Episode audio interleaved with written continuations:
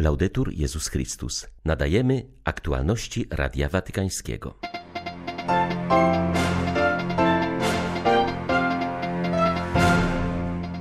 Papież Franciszek przeżywa dziś ósmą rocznicę pontyfikatu. To czas rozeznawania, a nie z góry powziętych planów, uważa ojciec Antonio Spadaro, redaktor naczelny miesięcznika Civilta Katolika. Mija rok od ogłoszenia przez Światową Organizację Zdrowia pandemii koronawirusa. Najwyższą cenę w pierwszym roku jej trwania zapłacili starsi. 50% wszystkich zmarłych na COVID-19 to właśnie seniorzy. Miliony ludzi na całym świecie zagrożonych jest śmiercią głodową. Pandemia COVID-19 i zmiany klimatyczne zwiększyły to niebezpieczeństwo. Sekretarz generalny ONZ Antonio Guterres wzywa do natychmiastowych działań. 13 marca witają Państwa ksiądz Krzysztof Ołdakowski i Krzysztof Brąk. Zapraszamy na serwis informacyjny. Fratelli e sorelle, buonasera. Bracia i siostry, dobry wieczór. Voi sapete che Wiecie, że zadaniem konklawy jest wybór biskupa dla Rzymu. Wydaje się, że moi bracia kardynałowie udali się po niego niemal na koniec świata, dlatego tu jestem. Tymi słowami przed ośmiu laty otworzył się kolejny rozdział w historii Kościoła pontyfikat papieża Franciszka. Bardzo szybko okrzyknięto go papieżem reformatorem. Sam Franciszek nie postrzega się w tych kategoriach. Zapytany na początku pontyfikatu, czy zamierza zreformować Kościół, jednoznacznie odpowiedział: Nie, ja chcę postawić w centrum Kościoła Chrystusa. To on przeprowadzi reformę. Jak zauważa ojciec Antonio Spadaro, redaktor naczelny miesięcznika Civilta Katolika, główną cechą tego pontyfikatu nie jest realizowanie z góry powziętego programu, lecz rozeznawanie. U podstaw działania tego papieża leży rozeznawanie, a to sprawa bardzo delikatna. Franciszek nie stara się wprowadzać w życie abstrakcyjnych teorii czy wizji.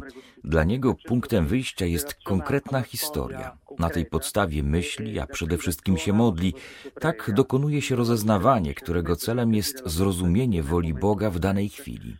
Dlatego jego reforma nie ma nic wspólnego z donkiszotyzmem. Nie jest to walka z wiatrakami, lecz stopniowe, powolne podejmowanie pewnych procesów, otwartych na to, co się dzieje, procesów, które dojrzewają w czasie i ulegają też modyfikacji. Pod tym względem jest to dojrzały owoc Soboru Watykańskiego II. Tych procesów rozeznawania i przemiany jest oczywiście dużo więcej, choćby te związane z ochroną małoletnich, ze sprawami ekonomicznymi. Wszystko to są procesy, którym Franciszek towarzyszy i które wymagają z jego strony wielkiej uwagi. Wszystko to zawiera się w jego wizji pontyfikatu.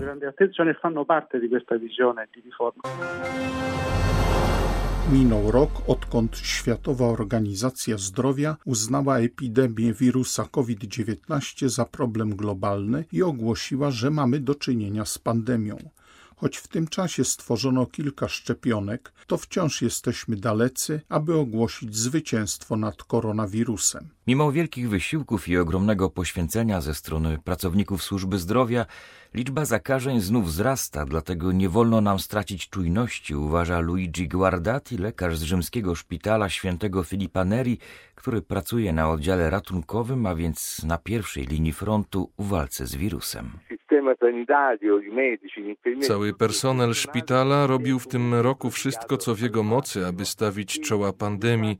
Wśród pracowników panuje duch solidarności i poświęcenia w obliczu zagrożenia zdrowia. Tak było w przeszłości i tak będzie w najbliższej przyszłości, również w celu uczczenia pamięci tych, którzy zostali zainfekowani podczas wykonywania swoich obowiązków, tak jak pielęgniarz z naszego oddziału, który niestety zmarł na COVID. Jego śmierć zasmuciła nas w niewypowiedziany sposób i właśnie z tego powodu musimy zwielokrotnić nasze wysiłki. Jeśli jednak ktoś uważa, że uda się wymyślić jakieś magiczne rozwiązanie, które w jeden dzień pokona pandemię, to bardzo się myli.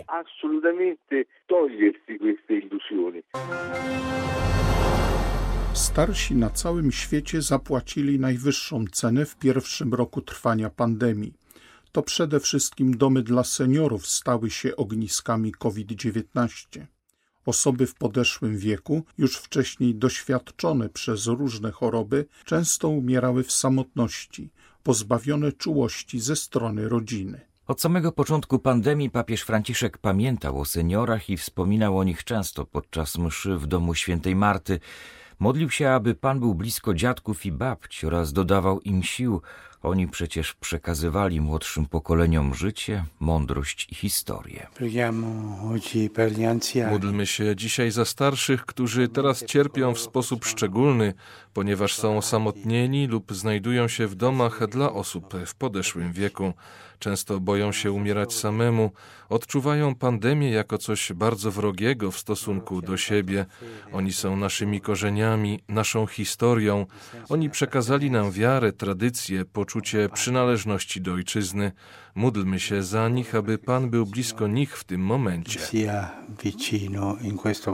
W samych Włoszech ponad 50% zmarłych z powodu COVID-19 stanowili mieszkańcy domów dla osób starszych. Często obsługa tych placówek stanowiła dla nich jedynych bliskich, namiastkę rodziny, dzieci oraz wnuków, jedyne osoby, które mogły ich przytulić bez niebezpieczeństwa zarażenia. Swoje roczne doświadczenia pracy w jednym z domów dla seniorów wspomina Barbara Benini z ośrodka w Colongo w prowincji Bergamo. Podczas pandemii zjednoczyliśmy się ze sobą o wiele bardziej niż wcześniej. Czuję, że staliśmy się rodziną. Kiedy przychodzimy do pracy w ośrodku, nasi podopieczni witają nas bardzo ciepło, widzą nas i przyjmują o wiele serdeczniej niż przedtem. Ta jedność wzmocniła się bardziej w ciągu ostatniego roku. Dzisiaj w naszym domu panuje bardziej pogodny klimat. Nie ma takiego strachu, który odczuwało się wcześniej, tego przerażenia. Jedną z rzeczy, która wciąż źle działa na ludzi, to brak kontaktu z bliskimi. Staramy się odpowiadać na tę potrzebę poprzez telefony, także poprzez komunikację wizualną, ale jednak brak obecności rodziny daje się odczuć. Miliony ludzi na całym świecie zagrożonych jest śmiercią głodową. Pandemia COVID-19 i zmiany klimatyczne zwiększyły to niebezpieczeństwo. Sekretarz generalny ONZ Antonio Guterres wzywa do natychmiastowych działań. W przemówieniu na forum Rady Bezpieczeństwa przy okazji spotkania na temat relacji między żywnością i bezpieczeństwem ostrzegał ostatnio, że bez energicznych działań miliony osób znajdą się na granicy skrajnego głodu i śmierci. W wywiadzie dla Vatican News Emanuela Cutelli, odpowiedzialna za komunikację z ramienia Światowego Programu Żywnościowego we Włoszech, podkreśliła, że jeśli ludzie nie otrzymają jedzenia, to zwiększy się ilość konfliktów. I dodaje, że pomoc jest niezbędna, żeby rodziny nie czuły się zmuszone do wybierania pomiędzy zagłodzeniem swoich dzieci a otrzymaniem opieki medycznej. W roku 2021 istnieje ryzyko głodu w różnych krajach. Przyczyną głodu w przeważającej ilości przypadków są konflikty. Zmiany klimatyczne i pandemia COVID-19 pogłębiły problemy już istniejące. Według danych Światowego Programu Żywnościowego są cztery kraje najbardziej dotknięte ryzykiem głodu: Jemen, Sudan Południowy, Burkina Faso oraz północno-wschodnia Nigeria. W tych krajach 155 milionów ludzi wystawionych jest na niebezpieczeństwo śmierci głodowej. Należy podjąć pilnie mobilizację, aby zapewnić 5,5 miliarda dolarów żeby ograniczyć zagrożenie głodem w bieżącym roku. To oczywiście nie rozwiązuje problemów, które znajdują się u podstaw kryzysów, ponieważ potrzebne jest przede wszystkim inwestowanie w pokój.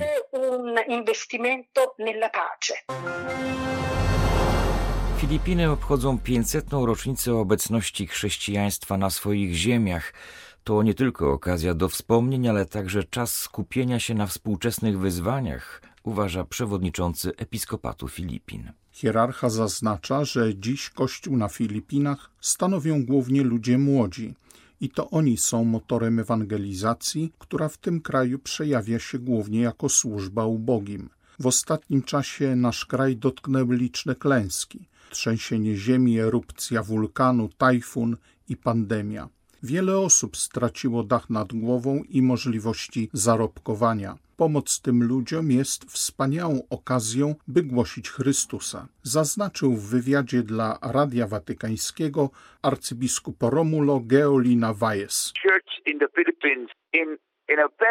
Kościół na Filipinach w bardzo cichy sposób jest świadkiem ewangelicznej pomocy, pomaga ofiarom trzęsienia ziemi, erupcji wulkanu i osobom zmagającym się z konsekwencjami pandemii oraz skutkami tajfunu. W naszym kraju jest wiele biedy, ale kataklizmy, które dotknęły nas w ostatnim czasie, spotęgowały te problemy. Stąd drzwi naszych parafii są zawsze otwarte, a wolontariusze każdego dnia przygotowują paczki żywnościowe dla najbardziej potrzebujących. Tak wygląda nasza działalność misyjna w tym czasie. W kontekście jubileuszu starajmy się stwarzać jak najwięcej okazji do głoszenia Chrystusa. Taki jest cel misji przekazywać wiarę innym, ewangelizować. Aby tak było, Kościół musi być zdolny do pomocy, miłosierdzia i współczucia w tych bardzo trudnych czasach.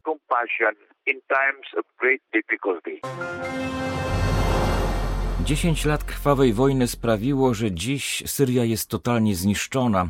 Ludzie nie mają pieniędzy nawet na to, by kupić chleb. Desperacja jest ogromna, mówi Radiu Watykańskiemu melchicki arcybiskup Aleppo Jean-Clément Jean Bar. Hierarcha apeluje o zniesienie zachodnich sankcji nałożonych na ten kraj oraz wzywa chrześcijan na całym świecie, by pomogli swym syryjskim braciom pozostać w ich ojczyźnie. Arcybiskup Jean Bar przypomina, że połowa mieszkańców kraju musiała opuścić swe domy a sześciu na dziesięciu Syryjczyków żyje w ekstremalnej nędzy. Ktoś, kto pamięta dawne Aleppo i widzi je dzisiaj, musi zapłakać. Ludzie nie mają za co kupić chleba, a kawałek sera czy oliwa pozostają marzeniem. Nędza, w jakiej żyją, jest wprost niewyobrażalna. Kościół pomaga w zakupie żywności, opłacamy też dzieciom czesne w szkołach, ale dla wszystkich nie starcza. Utworzyliśmy fundusz wspierający młode małżeństwa, którym rodzą się dzieci, bo wiele z nich odkładało decyzję o potomstwie, obawiając się, jak dadzą radę je utrzymać. Jest to ważne dla przyszłości naszego kraju. Pomagamy też w odbudowie i zakupie podstawowych mebli, by ludzie mogli zacząć normalnie żyć i wrócić do swych domów.